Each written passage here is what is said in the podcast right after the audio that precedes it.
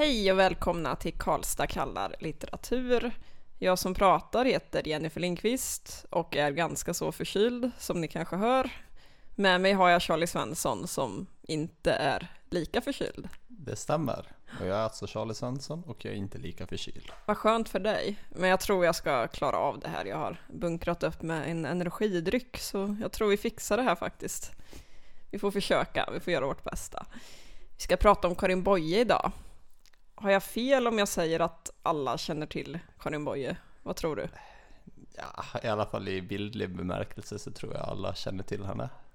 I bildlig bemärkelse? Jag tror inte i bokstavlig. Okej, men alla, alla som lyssnar på podden känner till Karin Boye? Ja, om de har hängt med ända fram till tredje avsnittet och i en poesiinriktad podd så får man nog förmoda att en viss kännedom av Boye har de nog i alla fall. Men jag känner också det, kan hon vara den mest kända svenska diktaren idag? Ja, i alla fall eh, bland unga, alltså vår generation och så kan jag nog tänka mig att hon inte har så mycket konkurrens. Kanske Edith Södergran, men det är nog tveksamt. Nils Ferlin kanske? Ja, det, det, det, kan jag nog tro är kanske för lite äldre personer, kanske? Ja, det är möjligt. Det är möjligt. Hur kom du i kontakt med Karin Boye första gången då? Oj, det var faktiskt en eh, bra fråga som inte borde ha varit helt oväntad, men som var det. Ehm, jag misstänker att eh, det är nog som eh, många andra svenska poeter, att man råkade ut för dem någon gång i högstadiet i samband med svensklektioner, kan jag tro. Jag vågar nog inte riktigt uttala mig om när det var, men jag är rätt säker på att det är så själv då. Men har du något minne av någon särskild dikt så, som du läste i skolan? Eller något tillfälle där lärarna tog fram Bojes poesi Nej, tyvärr så kan jag nog inte säga att jag har några speciella minnen av just Boyes diktning heller, utan jag tror till och med vi kan bara haft henne som typ så exempel, alltså ja, hennes mest kända kan det ha varit. Jag vågar nog inte riktigt svara på vilka det var, men nej, tyvärr inget jätte Nej, vi 93 år, eh, födda 93, eh, hade ju en dikt av Karin Boye som eh, med i nationella provet i nian. Men jag kommer komma mer till det sen, för att det var inte första gången jag kom i kontakt med Boye så, utan första gången jag minns, det var faktiskt när jag läste Jonas Gardells eh, En komikers uppväxt, den serien, bokserien. Det är väl En komikers uppväxt, Ett UFO gör entré och så Jenny. Jag är inte säker på vilken av böckerna det är, det är någon av de sista två i alla fall. Där finns det en passage när det här gänget som det handlar om går ut eh, nian och de har skolavslutning. Och så är det så att en av de tuffa tjejerna, de onda tjejerna i klassen, de här dödsmobbarna, läser upp en dikt av Karin Boye i rörelse, en av hennes mest kända eh, på skolavslutningen. Då tänker huvudpersonen ungefär att hon läste snabbt och hafsigt och det lät som hon inte menade ett enda ord av vad hon sa. Så det var en ganska fin inställning till poesi tycker jag, att eh, de här elaka, tuffa, el, ja, vad ska man kalla det för? De coola tjejerna, de, de kan inte förstå poesi utan de läser det bara för coolhetspoäng. Får man verkligen några coolhetspoäng av att läsa poesi? Det var just det jag skulle komma till, för jag, jag skulle säga det att det verkar vara en ganska härlig tid att leva i ändå, när det var tufft att läsa Karin Boye på nians skolavslutning. Ja, inte för att jag är fruktansvärt historieintresserad, men jag känner nog inte riktigt till just den tiden. Men ja, det verkar märkvärdigt. Ja, det är ganska tufft ändå att det var kredit på det sättet. Men eh, vi bör väl beskriva Boye lite grann i alla fall, men vad ska vi då säga om henne? Eh, en av Sveriges viktigaste poeter kan man väl säga. Levde mellan år 1900 till år 1941. Modernist såklart under stor del av sitt liv socialist, medlem av Clarté, en av grundarna till eh, tidskriften eh, Spektrum. Den har ingen av oss läst för att den var bara verksam typ två år någon gång på 30-talet. Men den var viktig. Det var ju bland annat där som eh, Elliots The Wasteland översattes första gången. Och vem översatte den? Det kanske du skulle vilja svara på, för jag råkar veta att du har vissa specialkunskaper inom det här området. Nej, jag tänker inte gå in på det nu. Jag skrev min C-uppsats om den här översättningen nämligen, eh, och det är Karin Boye förstås själv som har översatt den tillsammans med en man som hette Erik Mesterton. En väldigt fin översättning. Vi kanske hinner komma in på den lite sen, vi får väl se. Eh, allmänt om Boyes poesi. Eh, jag, rådfrågar dig, är det tryggt att säga att hennes mest, hennes mest eh, kända och inflytelserika dikter är Ja visst gör det ont och I rörelse? Ja, jag har nog inga invändningar mot det kan jag inte direkt säga.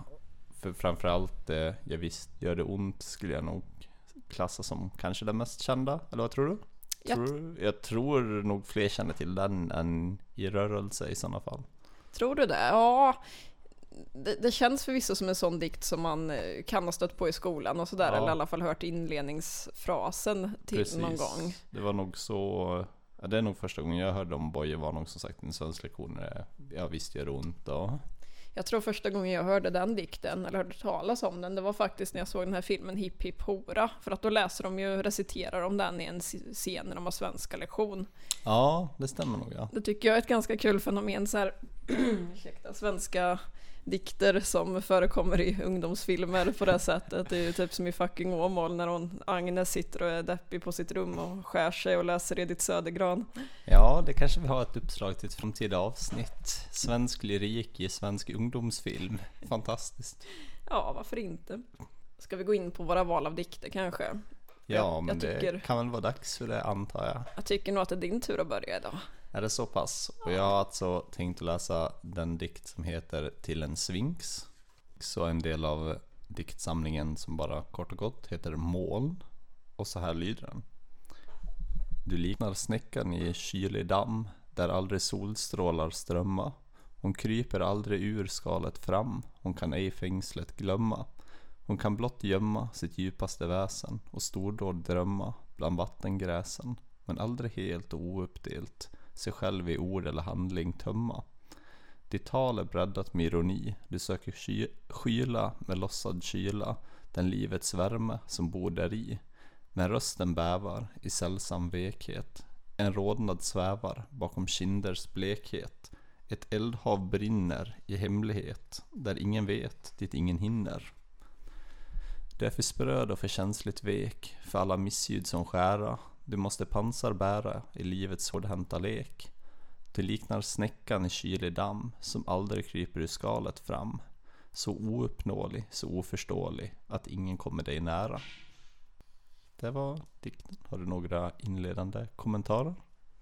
Jag vill mer höra vad du tänker om den först. Um, vart ska vi börja? Jag tänkte nog först och främst också ur en perspektiv, eh, motiv, hur ska jag förklara det? Lite som jag kopplar samman dels med hela Boyes kanske författarskap, alltså både som prosaist och poet, men även förstås till en viss tidstypisk motivkrets skulle jag nog kalla det också. Men om man ser till just Boyes författarskap så känns det väl ändå som att det är rätt många återkommande bilder som vi ser i dikten. Alltså just denna rädsla för att visa sig eller att eh, behöva föreställa sig att ha mask eller liknande. Jag tänker även i saker, eller i prosa hon har skrivit, om vi tar till exempel Kallocain så skulle jag säga att det är den av dystopierna och de kändare, att som jämför med 1984 Brave New World och sånt som på djupet ändå mer gå in på kanske mellanmänskliga relationer och hur sånt artar sig jämte just själva, vad ska man säga, ehm, byggandet av en dystopi eller något sånt så har den en mycket skarpare blick just för relationer mellan människor, hur man måste oftast tvingas vara någon man egentligen inte är och så skulle jag nog säga. Och det tycker jag är utmärkande för mycket av hennes dikter och det. Och det känns som att det är ett rätt återkommande tema. Eller vad tänker du? Mm, ja men det, det var intressant för jag har inte tänkt så mycket på det med jäm, jämförelsen med Kallocain där har jag inte gjort. Men du har ju rätt i det för det handlar ju mycket om att om jag minns det rätt huvudpersonen är ju så avskärmad från sina känslor att han inte inser att han har dem förrän han börjar bruka den här drogen som han själv har framställt. Det är då han inser det. Jag tänker lite på det där med ditt tal är breddat av ironi och så vidare. Att man kanske har avskärmat sig så mycket att man inte ens är medveten om att man gör det längre. Nej men eh, precis. Och i Kallocain så har ju även Leo som han heter vill jag minnas va? Nu var det ett tag sedan jag läste den. Han har ju faktiskt en chef eller någon form av överordnad som han till en början i alla fall ser ner på väldigt mycket vill jag minnas. För att den här chefen tycks mer kanske genuin eller oförställd. Han visar mycket mer personlighet än vad som kanske är brukligt i den dystopiska världsstat som tecknas. Just det. Jag vill också minnas att ett av han och hans hustrus barn är lite av en drömmare. Ja, det kan nog stämma.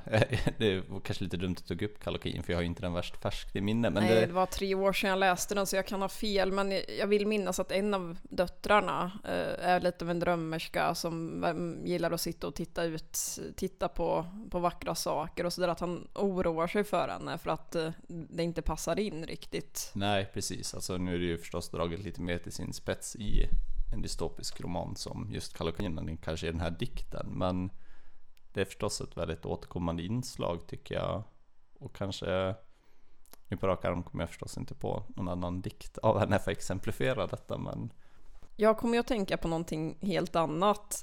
Eller nej, det är inte alls helt annat, det är ganska likt faktiskt. Jag tänker på eh, Eliots dikt The Love Song of eh, J. Alfred Prufrock.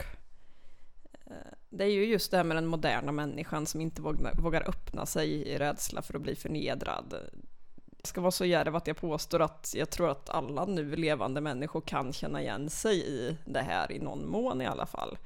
Jag relaterar supermycket, alltså dels för att jag har haft social fobi men också för att, alltså i vardagssituationer sådär. Eh, så jag tror alla kan känna igen sig, men man måste ju också säga en sak. Och det är ju att huvudpersonen i Elliots dikt, han är ju en, en megatönt, förlåt, men det är han ju.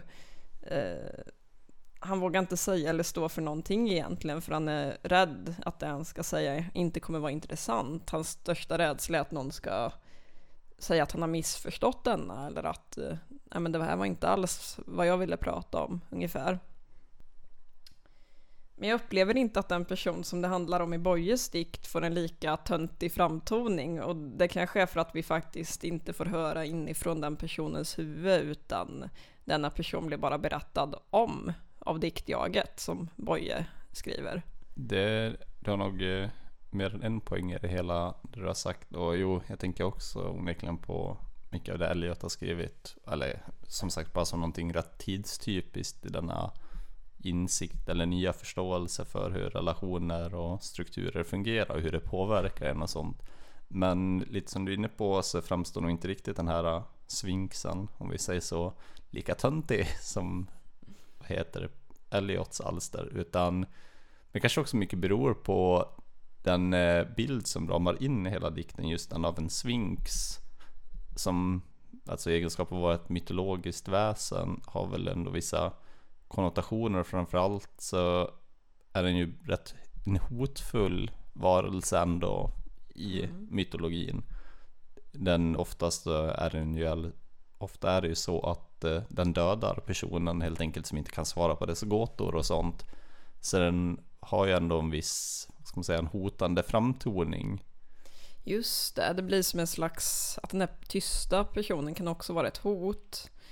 Och jag tänker att de här dikterna, framförallt Elliots, kanske även Boyes, är väl ändå kopplade, båda är modernistiska, så på något vis känner man väl ändå att de kritiserar den borgerliga hegemoni som rådde i början på 1900-talet, eller? Du ser skeptisk ut. Det känns ju som att det är den typen av, av diskurs eller umgänge som de ändå kritiserar, speciellt om man tänker på Proofrock där i Elliots dikt han är rädd för de här middagarna med kvinnor i långa klänningar och vackra smycken. De är hotfulla för honom fastän de inte riskerar att göra honom någonting farligt alls.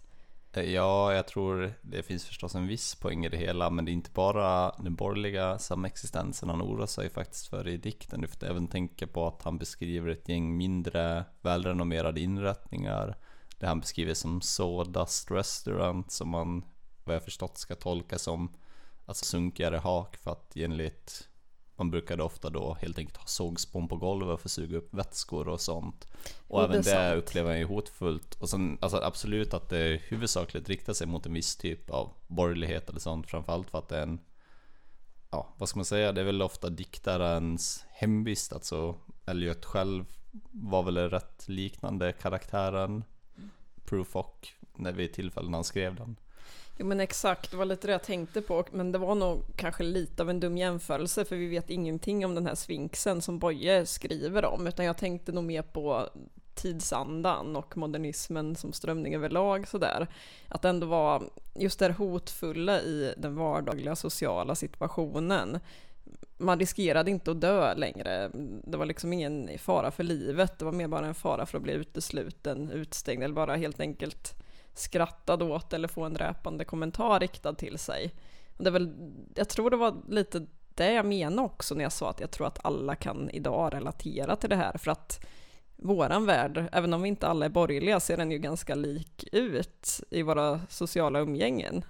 Eller vad tycker du? Jo, men jag tror du har en poäng och det är också lite intressant att du säger man riskerar ju inte bli dödad. Inte oftast i alla fall, förhoppningsvis.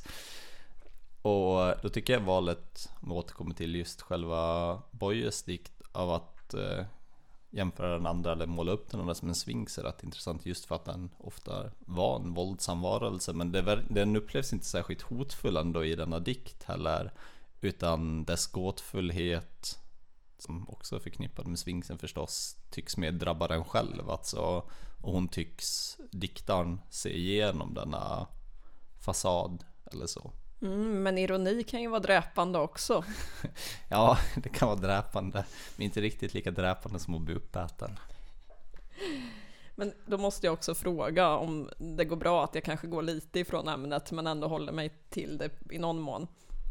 Vad tycker du om titeln, alltså just det här valet av en slags antikt motiv eller egyptiskt antikt motiv? För jag tänker det var ganska vanligt med antika eller gamla nordiska motiv i diktningen vid den här tiden, den svenska. Vad tycker du i det här fallet? Jag, jag har ju ett ganska specifikt exempel jag skulle kunna gå in på om du vill att jag gör det. Jag kan väl svara först. Eh, just i det här, eller överlag så kan man, är det nog svårt att ha en ståndpunkt. Vad tycker du om mytologiska motiv? En rätt bred fråga. Men i det här fallet, men jag tycker ändå det är rätt passande skulle jag säga, det finns en hel del tänkvärda implikationer av att hon har valt en svinx som det vi har varit inne på. Lite över att den har blivit avväpnad men man bevarar bara en viss del av det. Lite likt människans ställning alltså i det moderna samhället så, så jag tycker det kan vara rätt passande. Även om det är från en kulturkrets som kanske inte riktigt är en egen, även om jag vill påpeka att sfinxen faktiskt förekommer i den grekiska mytologin också, och inte bara i den egyptiska. Mm, jo, det var vanligare att referera till den, eh, den grekiska. Jo, jag tycker också att det passar i den här specifika dikten, men jag kommer ju osökt att tänka på eh, en dikt som Hjalmar Gullberg skrev eh, om Karin Boye efter hennes död, en slags eh, hyllningsdikt. Och jag hörde talas om den första gången för en månad sedan ungefär på det här programmet Helt lyriskt på SVT som vi har snackat lite grann om i tidigare avsnitt. Och det är ju så i just den här dikten av Gullberg som heter Död Amazon. Eh, Amazonen är då Boye. Han öser ju in antika motiv i den här dikten som påstås handla om Karin Boye. Han framställer henne som en amazon, jämför henne med Spartas hjältar och så vidare. Det är ju vackert att han, om han nu såg henne som en riktig kämpe så, eh, det var hon väl också. Hon kämpar ju för sina politiska övertygelser genom att skriva och pennan är starkare än svärdet och så vidare. Men det blir ju ändå lite grann som att det inte alls är Bojan han skriver om egentligen. Eh, läget i världen vid tidpunkten för hennes död i kombination med någon, någon motiv från antikens Grekland är ju mer eh, liknande. Det var ju under andra världskriget. Så jag tänkte jag skulle läsa lite grann över den om det går bra. Du får gärna läsa hela kanske? Ja, inte hela, men en bit av den. Okay. Den börjar så här.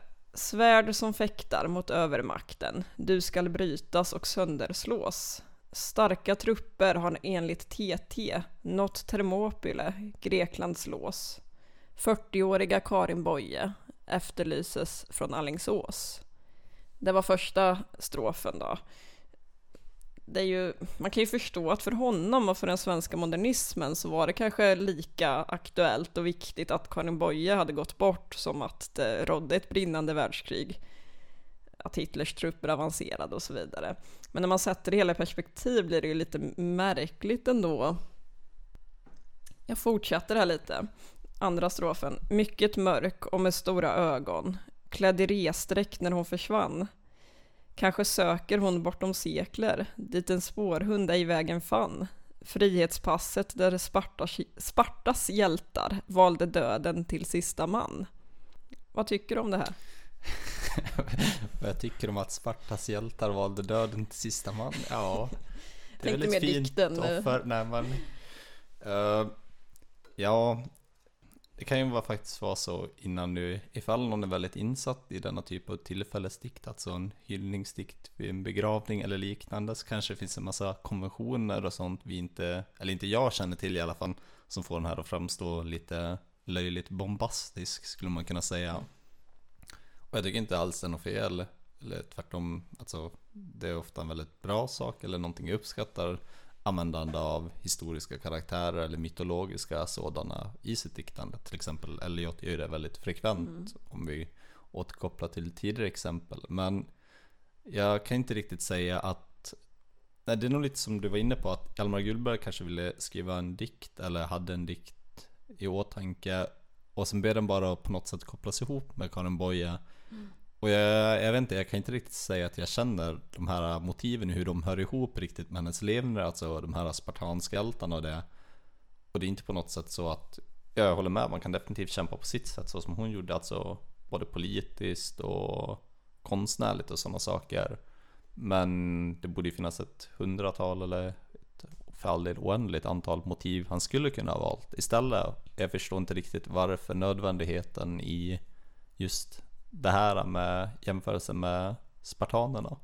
Nej, det är väl lite det jag också klurar på för att jag tycker den här dikten den är inte rent av dålig, den är faktiskt ganska intressant. För det känns lite som att den blir en slags ett besök i Hjalmar Gullibergs eh, själsliga tillstånd vid tillfället. För att alltså det var väl, han såg väl mörkt på saker och ting får man ju utgå från. Att eh, Hitler avancerade. Boye, en av de största poeterna, kanske i Sverige någonsin, var död. Alltså det, det, kopplades väl samman en stor personlig sorg för honom i kombination med just det här världskriget som drabbade hela, ja, hela Europa och mer än så. Så jag tycker den är intressant på det sättet, men det blir ju nästan lite, alltså, jag kan ju tänka mig att Boye nog hade rodnat ganska mycket om hon hade haft möjlighet att läsa den här dikten. Det hade nog kunnat vara, alltså, det, det blir märkligt, han jämför henne också, säger också senare i dikten att hon är Eh, Sparta, de spartanska hjältarnas syster och döda vän och så vidare.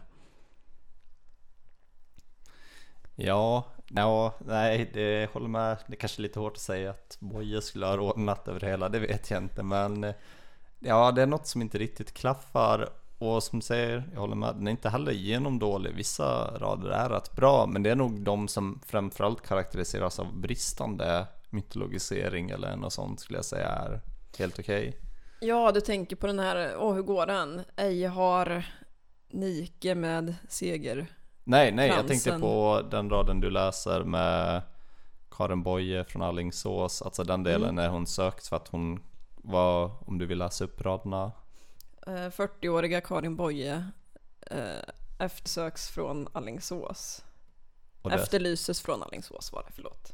Exakt, och sågs i resdräkt. Mycket mörk och med stora ögon. Klädd i resdräkt när hon försvann.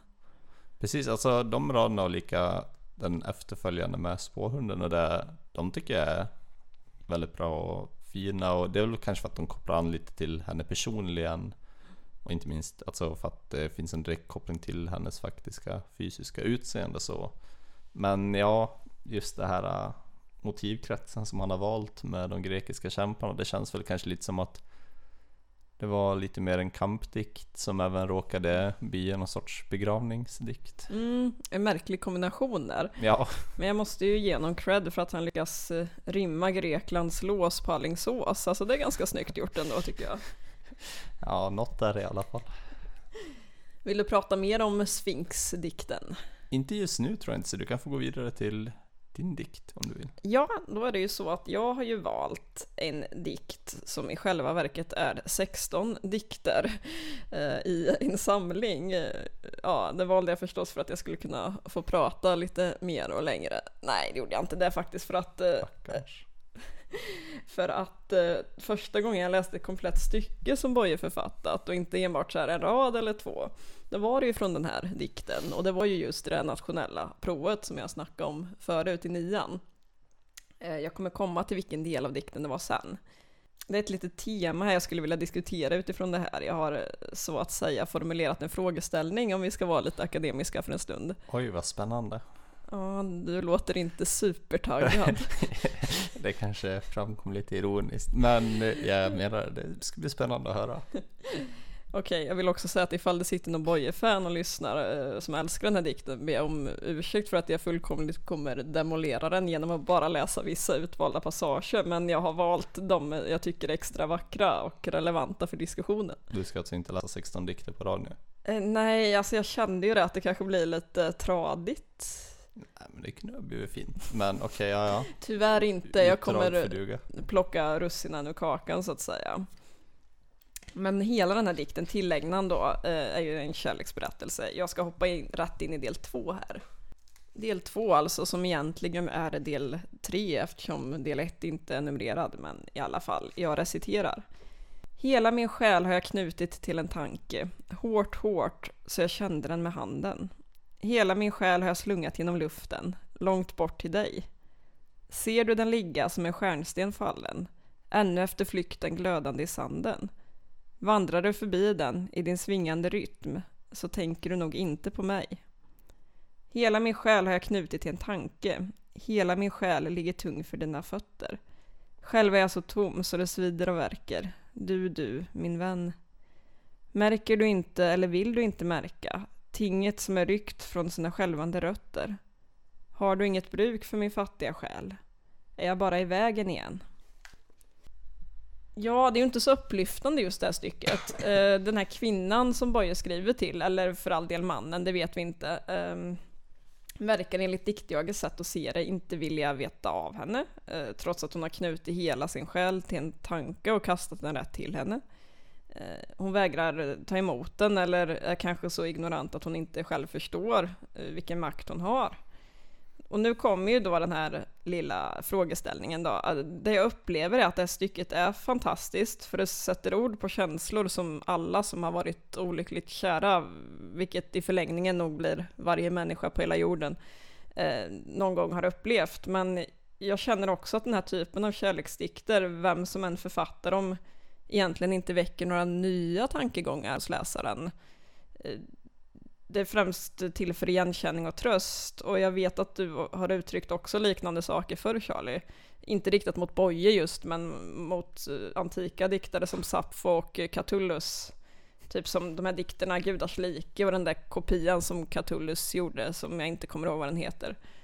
Eh, alltså man känner igen sig i dem och poeten lyckas formulera känslan på ett snyggare sätt än vad man själv hade klarat av. Men är det syftet med poesi? Vad, vad känner du? Ja, jag vet inte. Det är lite som du säger, att man kan känna igen sig, men att skapa någonting som man bara kan känna igen sig i, i ärlighetens namn, inte en så märkvärdig bedrift. Alltså, det för, för vissa är det en personlig upplevelse, eller i alla fall alltså en personlig upplevelse som framställs. Men för att det ska vara verkligt något att ha så menar jag nog att det måste tillkomma mycket mer. Alltså på något sätt så måste det uppnå en viss allmängiltighet utöver ens egna känslotillstånd också. På något, och exakt hur detta går till, det kan jag förstås inte svara på. Det kanske inte ens finns ett sådant ett sätt eller något, förmodligen inte. Men att bara skriva så här, alltså något om olycklig kär, ja det är klart att de flesta kan relatera till det på något sätt och därmed ta till sig det. Men eh, då måste man även förstå också att mycket av diktens upplevda styrka kommer från en själv och inte från dikten. Och visst antar jag att man kan argumentera att så är det förstås med all konst. Att man, vissa vill prioritera att det ändå är skapande hos mottagaren eller så. Men jag menar nog att det ändå ligger, eller bör ligga, någonting mer i själva meddelandet, i det här fallet en dikt. Alltså jag upplever ju lite grann ändå att syftet med Boyes poesi är uppmuntrande nästan tvingande men på ett positivt sätt ändå eh, och tröstande på samma gång. Just de här kärleksdikterna kanske inte är det allra bästa exemplet på det. Men ta liksom, ta Jag visst gör ont. den får ju oss att inse att vi måste göra det där som vi egentligen inte vågar. Eh, för det är det som får oss att slå ut. Annars är vi bara blomknoppar hela livet och det är ju inte så häftigt. Man vill ju hellre vara en blomma tänker jag. Men, och det är sånt vi redan vet, alltså vi vet ju, vi, alltså alla som har läst en självhjälpsbok eller scrollar runt på Facebook och sett ett sånt där motiverande citat vet ju, jag vågar göra det du, du egentligen inte vågar, go outside your comfort zone och så vidare. Men eh, vi kan ändå inte klara av att få oss själva att inse det. Genom poesi kanske man ändå kan det. Mm. Ja. Och jag tror att anledningen är för att det just på, det beskrivs på ett bättre sätt än vad vi själva hade kunnat beskriva det för oss eller för någon annan. Talets gåva ungefär, eller eh, språkets gåva. Jo, så det är förstås så att du kan få insikt i något, alltså genom att läsa det skönlitterärt eller poetiskt framställt som du inte skulle kunna fått kanske av en simpel uppmaning, typ var det själv, ta risker, det är inte riktigt jätteslående, framförallt inte för oss som har vuxit upp bombarderade med sådana budskap. Så kan det nog vara bra om det förmedlas på ett annat sätt. Men fram, samtidigt så vet jag inte riktigt om jag tycker att det är något positivt att eh, diktens funktion skulle vara att vara en förkonstlad självhjälpsbok. Tycker jag inte är så jättebra heller, kan jag inte säga. Nej, men det kommer ändå in på lite grann vad, vad är poängen? Vad är poängen också med språket? Att förmedla någonting till en annan människa det är ju uppenbarligen ett väldigt stort problem det här med att vi inte kan, vad, vad vi än säger kan vi inte få någon annan att helt och hållet förstå det. Ja, det vet vi ju efter Wittgenstein och tusen andra. Men eh, genom poesin så kan man få människor att förstå ändå och komma i kontakt med sig själva. Jag skulle inte säga att det är poesins främsta syfte. Eh, det är inte därför den finns till. Men det är en del av den ändå. Ja, eller kanske i alla fall en möjlig bieffekt. Det får man väl hålla med om att folk säkert har tagit intryck av dikter och liknande i alla tider och gjort saker baserat på dem. Men jag vet inte nödvändigtvis om jag ser den kommunikativa situationen som är en dikt eller ett annat skönlitterärt verk som jämförbart med vardagsspråk och säga att man vill få någon att förstå något. Alltså att den alltså försöker förmedla ett simpelt, eller inte ens nödvändigtvis simpelt, eller ett budskap kanske inte är riktigt det jag skulle säga är kärnan hos poesin ändå. Nej, men jag undrar om Boje tyckte det och intentionen är inte viktig, det ska vi säga i varje avsnitt. Men det är ändå intressant för att jag tänker på en annan dikt hon har skrivit också som heter Till en diktare och där skriver hon ju, riktar hon sig då till någon okänd skald som har levt eh, flera sekler innan henne själv. Och eh, hon skriver bland annat Du visste då, ty hade du ej vetat, du skulle aldrig kunna säga så. Och så talar hon då med vänskap till den här diktaren som överstiger sekler. Att hon somnar tröttad efter att tröstad, tröttad nu det, tröstad efter att ha läst dennas dikt. Eh, det jag vill komma till är väl då lite grann att Boje också själv blev en sån här tröstare, vad det som ville eller inte. Jag kan tänka mig dock att hon ville det, att hon såg det som en av poesins stora funktioner. Det baserar ju förstås bara på den här dikten. Men eh, jag tror det är kanske så många människor kommer in på poesi i alla fall, i tonåren och sådär. Av samma anledning som man kommer in på lyrics, låttexter, bara att poesin kan säga det på ett vackrare sätt. Ja, jo alltså förstås, det går inte att förneka att det förmodligen är så heller, men ja, jag vet inte riktigt, det kanske är för att jag lägger mer fokus på, vad ska man säga, form och liknande än själva innehållet och därför är det nog Alltså språket i sig och dess, eller användningen av det som jag skulle säga är det väsentliga och inte exakt vad den förmedlar, även om man kan få ut ett budskap av den. Och för jag menar, det för all del så är det ju möjligt att skriva vackra nonsensdikter och vi kan inte säga att nödvändigtvis att de är sämre dikter bara för att de inte förmedlar ett tydligt budskap. Det är sant. Och då är det ju formen man är mer inriktad på, men det är, formen är ju också en viktig del. Det är den som gör att det skiljer sig från alla dessa självhjälpsböcker eller slående eh, alltså slogans, citat och så vidare. Så nu har jag hittat nästa del jag ska läsa och jag trodde ett tag att jag bara hade drömt den, för jag lyckades inte hitta den, men det hade jag inte. Del 9 av tillägnan, jag reciterar. På knä vill jag tacka för det du log. Igenom kvalm och rolöshet en mild vind drog. Så bittert salt det gråt, som en ångrande gråter. Jag vet att du föraktar, jag tror att du förlåter.